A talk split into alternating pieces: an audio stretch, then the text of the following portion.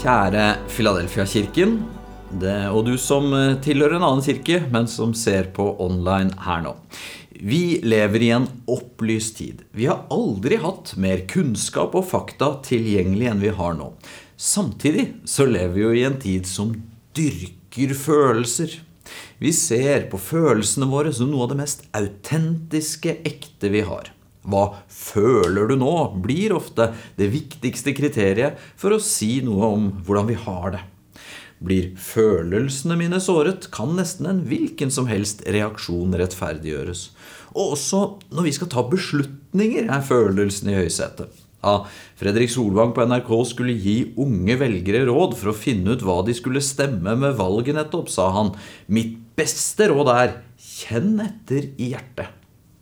Som kirke så ønsker vi derfor nå å bruke noen søndager på å snakke om følelser. Ikke fordi vi plutselig har blitt psykologer, men fordi følelsene er en så stor del av hvordan vi opplever det å være mennesker. Så i dag skal jeg adressere hva Bibelen sier om følelser, og hvilken funksjon de har. Neste søndag skal vi se på hvordan vi håndterer følelsene våre, det som Paulus kaller fornyelsen av sinnet. Så skal vi se på bibelske praksiser for å håndtere følelser, og til slutt hvordan vi møter andre menneskers følelser. Så de neste ukene er det full føling i fjæra, og vi tror at dette er noe vi har godt av å se på. Så i dag så vil jeg forsøke å svare på tre spørsmål. Har Gud følelser? Hva sier Bibelen om våre følelser? Og i hvor stor grad skal vi følge følelsene våre? Så for å begynne med det første har Gud følelser. For skal vi nærme oss en teologi om følelser, så må den begynne med Gud selv. I motsetning til mange vagere tanker og forestillinger om Gud som en kraft eller et alt, eller noe sånt, så sier kristen tro at Gud er en person. Selvsagt ikke begrenset som deg og meg, men likevel en person. Men hva mener vi? En person med følelser? Vår tenkning er fortsatt litt preget av de greske tenkerne Platon og stoikerne. Stoikerne særlig var jo kjent for å mene at man måtte skille skarpt mellom fornuft og følelser. Og følelsene var lavere stående. Man skulle alltid prøve å ikke bli følelsesmessig engasjert, og heller beholde det vi fortsatt kjenner i dag gjennom uttrykket en stoisk ro. Så når Gud er opphøyet hellig og ikke svak som oss, så er vel Gud uten følelser? Om begynnelsen av alt står det etter at jorden var skapt. Og Gud så at det var godt. Svært godt, legges det til og med til. Jeg husker at på min første bil så skulle jeg lære meg å skifte olje selv, for Roar som jeg kjøpte den av, mente at såpass burde man kunne. Det ble min peak som mekaniker, men jeg husker det sto et slagord på et sånt oljefilter. Den gode følelsen av en godt utført jobb. Og det kjente jeg stemte. Og den følelsen hadde altså Gud også etter å ha skapt verden. Og jeg etter å ha skiftet olje. Og Gud beskrives også med sorg. Da han så hvordan vi mennesker brukte vår frihet til å skade hverandre, står det da angret Herren at han hadde laget mennesker på jorden, og han var full av sorg i sitt hjerte. Eller enda mer dramatisk, i det Gud sa til Jesaja, jeg har vært taus i lange tider, har tidd og holdt meg tilbake, nå skriker jeg som en fødende kvinne, jeg stønner og snapper etter pusten. Men Gud, er dette stoisk ro? Hva med Jesus selv, da? Det står om da han tenkte på at det var de minste menneskene som ofte først forstår hvordan Guds rike er. I samme stund jublet han i Den hellige anden og sa, Jeg priser deg, Far, himmelens og jordens Herre, fordi du har skjult dette for de vise og forstandige, men åpenbart det for umyndige små. Så Jesus jublet. Men da han alene visste om døden som lå foran, står det, da sa han til dem, Min sjel er tynget til døden av sorg. Bli her og våk med meg.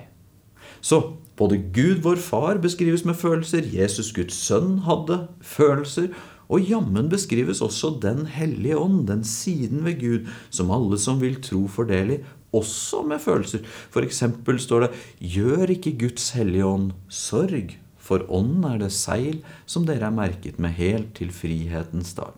Så den treenige Gud har følelser, for Gud er en personlig Gud.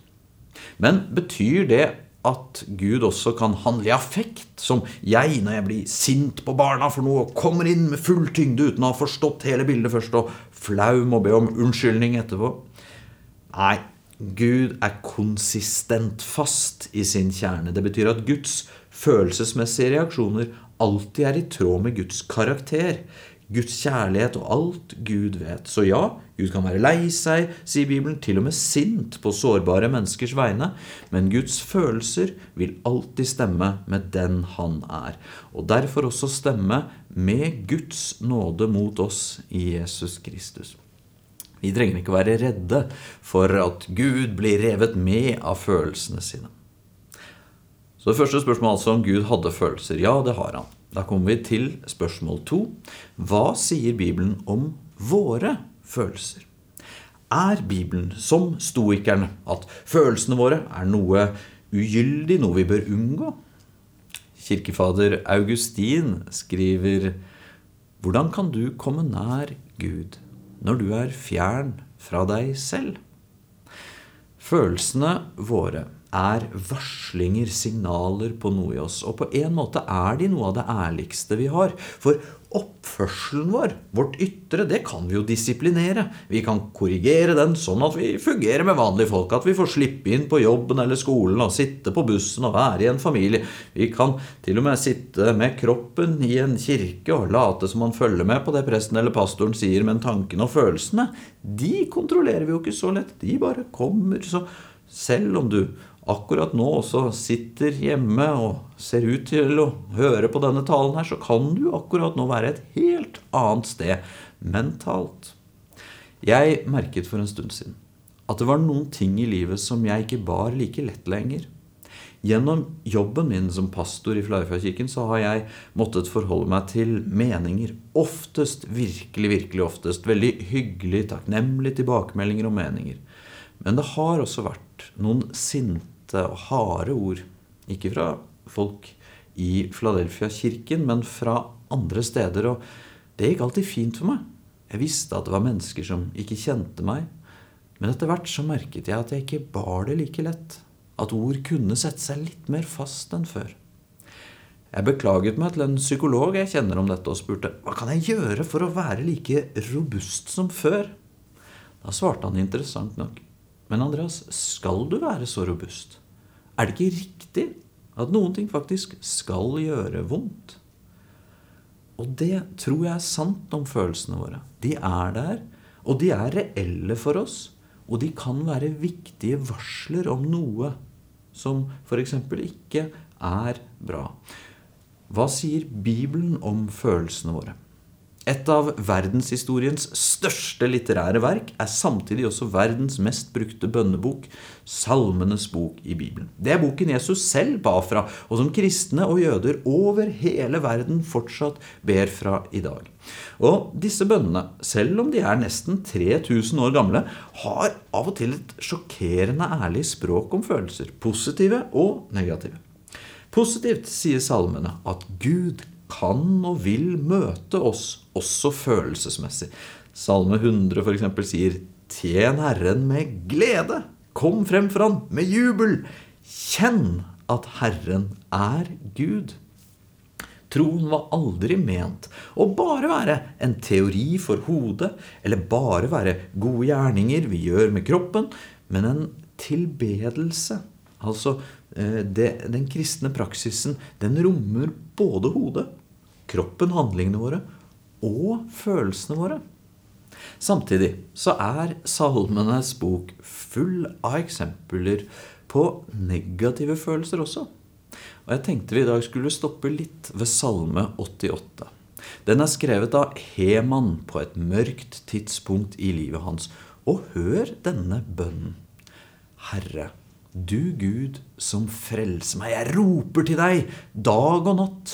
La min bønn nå frem til deg, vend øret til mitt rop. Mitt liv er fylt av ulykker, jeg står ved dødsrikets rand. Jeg regnes blant dem som har gått i graven, jeg er som en mann uten kraft. Jeg er forlatt blant de døde, lik falne som ligger i graven. Du husker dem ikke lenger, de er støtt bort fra din hånd. Heman ber.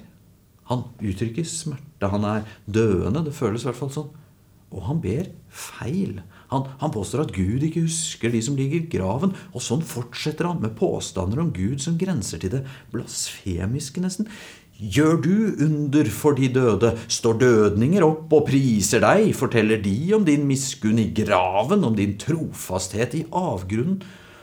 Og der mange av Bibelens salmer har klage, og så ender i noe positivt, så er denne salme 88 og salme 39 like i at de forblir i mørket. Heman slutter bønnen med Din harme slår over meg, dine redsler gjør ende på meg, de er omkring meg som vann hele dagen, alle sammen omringer meg. Du har drevet venner og frender bort fra meg, mine kjenninger er borte i mørket. Og mørket er salmens siste ord, og mørket omslutter Heman som ber. Og vi kan spørre, men i alle dager, hvorfor står dette i Bibelen? Hvorfor lot Gud denne bønnen komme med i Salmenes bok? Flere bibelkommentarer bemerker at akkurat det sier jo mye om Gud at Gud er en Gud som tåler følelsene våre, som lar oss skrike oss hese til Han, som ikke blir skremt eller får avsky for oss av det vi slåss med. Og det er viktig at Bibelen nettopp rommer bønner som Hemans, som Jobbs i Det gamle testamentet, og som flere andre. Fordi jeg har, både som venn og som pastor, sett at forventningene våre de kan bli en tilleggsbyrde i livet. Altså, Det er vondt å ha det kjipt, men det er ekstra vondt hvis man i tillegg må deale med skuffelsen over at jeg som kristen kan oppleve noe så mørkt. Bibelen er så realistisk om følelsene våre. Alle Bibelens helter hvis vi ser etter, de går igjennom forferdelige ting. Verre enn de fleste av oss. Så hva sier Bibelen om våre følelser? De er gitt oss av Gud som har skapt oss. At Gud vil møte oss, også følelsesmessig. At jubel og glede er en del av det å tilbe Gud. At vonde følelser vil komme, og at det er rom for det hos Gud. Også når vi ikke ber riktig fordi alt bare er vondt. Gud er stor som havet, og Gud er en Gud full av nåde. Vi kan komme til ham med følelsene våre. Vår stille jubel over noe som gikk mye bedre enn vi trodde og vår ropende smerte. Så Gud har følelser, han er en person. Vi er gitt følelser som en del av det som kobler oss med verden og oss selv, og vi kan forvente at våre egne følelser vil svinge, men det er rom for alt hos Gud. Da kommer vi til det tredje og siste spørsmålet for å skisse en teologi om følelser. I hvor stor grad skal vi følge følelsene våre? Her kommer vi til et sånt punkt hvor vi har én grøft på hver side. På den ene siden så har vi stoikerne, som sa at følelsene bare skulle ignoreres. Skribent Elin Ørjasæter beskrev i en artikkel en diskusjon under en middag der en mannlig leder diskuterte intenst med en kvinnelig middagsgjest. Damen begynte etter hvert å gråte, men mannen bare argumenterte videre. Noen grep inn og sa 'Ser du ikke at hun gråter?' Jo, men det gir henne vel ikke noe mer rett for det, svarte mannen og fortsatte. Jeg vet ikke om han var stoiker, men han var i hvert fall i den gata. På motsatt side har vi den delen av vår kultur i dag som sier at vår viktigste forpliktelse alltid er å følge hjertet vårt. Som om hjertet eller følelsene, som det ofte betyr, alltid har rett. Men det må være fordi vi har glemt det profeten Jeremia hadde sett da han skrev Hjertet er mer svikefullt enn noe annet. Det kan ikke helbredes. Jeg blir av og til litt matt når jeg møter mennesker som i påvente av en slags sånn hjertefølelsesmessig tilstand blir passive. Som slutter å delta i kristne praksiser og fellesskap, slutter å gjøre godt for sin neste fordi de venter på at de skal føle for det i hjertet. Men jeg tror altså det går en vei imellom stoikerne og at vi bare skal følge hjertet. En vei som sier at ja, følelsene våre er reelle, men de er ikke alltid sanne likevel. Og enda viktigere, de er ikke fundamentet vi står på. Gå tilbake til Heman i Salme 88. Han følte det som om mørket var det eneste han hadde igjen, som om dødninger ikke står opp og priser Gud, og at Gud hadde forlatt han. Det var reelt at det var sånn han følte det. Men var det sant? Det har vært sant én gang, men da var det ikke Heman. Det var en annen. I Matteus kapittel 27 står det Fra den sjette time falt det et mørke over hele landet helt til den niende time. Og ved den niende time ropte Jesus med høy røst, Eli, Elis, lama sabachthani. Det betyr, Min Gud, min Gud, hvorfor har du forlatt meg? Det er en som opplevde det mørket som Heman fornemmet, helt til det ytterste. Det var en som ble forlatt av Gud for vår skyld, og fordi han ble det, så ble han også den første dødningen, for å bruke Hemans uttrykk, til å stå opp igjen og prise Gud. Og fordi han gjorde det, så kan vi si at selv om følelsene våre er reelle for oss, så behøver de ikke å fortelle oss det som er ytterst sant for oss. For når en annen har gått i mørket, har smakt døden og fravær av Gud, så vil vi kunne vite at selv om følelsene våre er reelle, så er det en, en større fortelling som er sann samtidig. Den ugyldiggjør ikke følelsene. Den sier ikke at vi ikke har lov til å føle det mørket vi gjør, men den gir håp i følelsene om at de vonde følelsene er midlertidig. Mørket er ikke for alltid. Altså Bibelen forteller at følelser er skapt av Gud.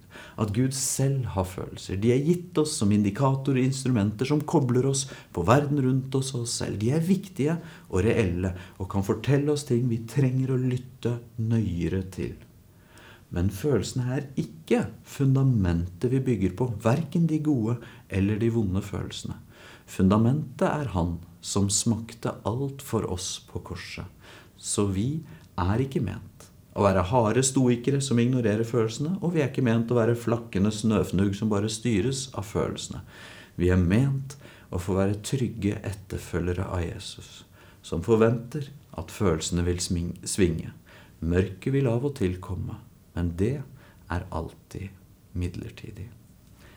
Gud velsigne deg.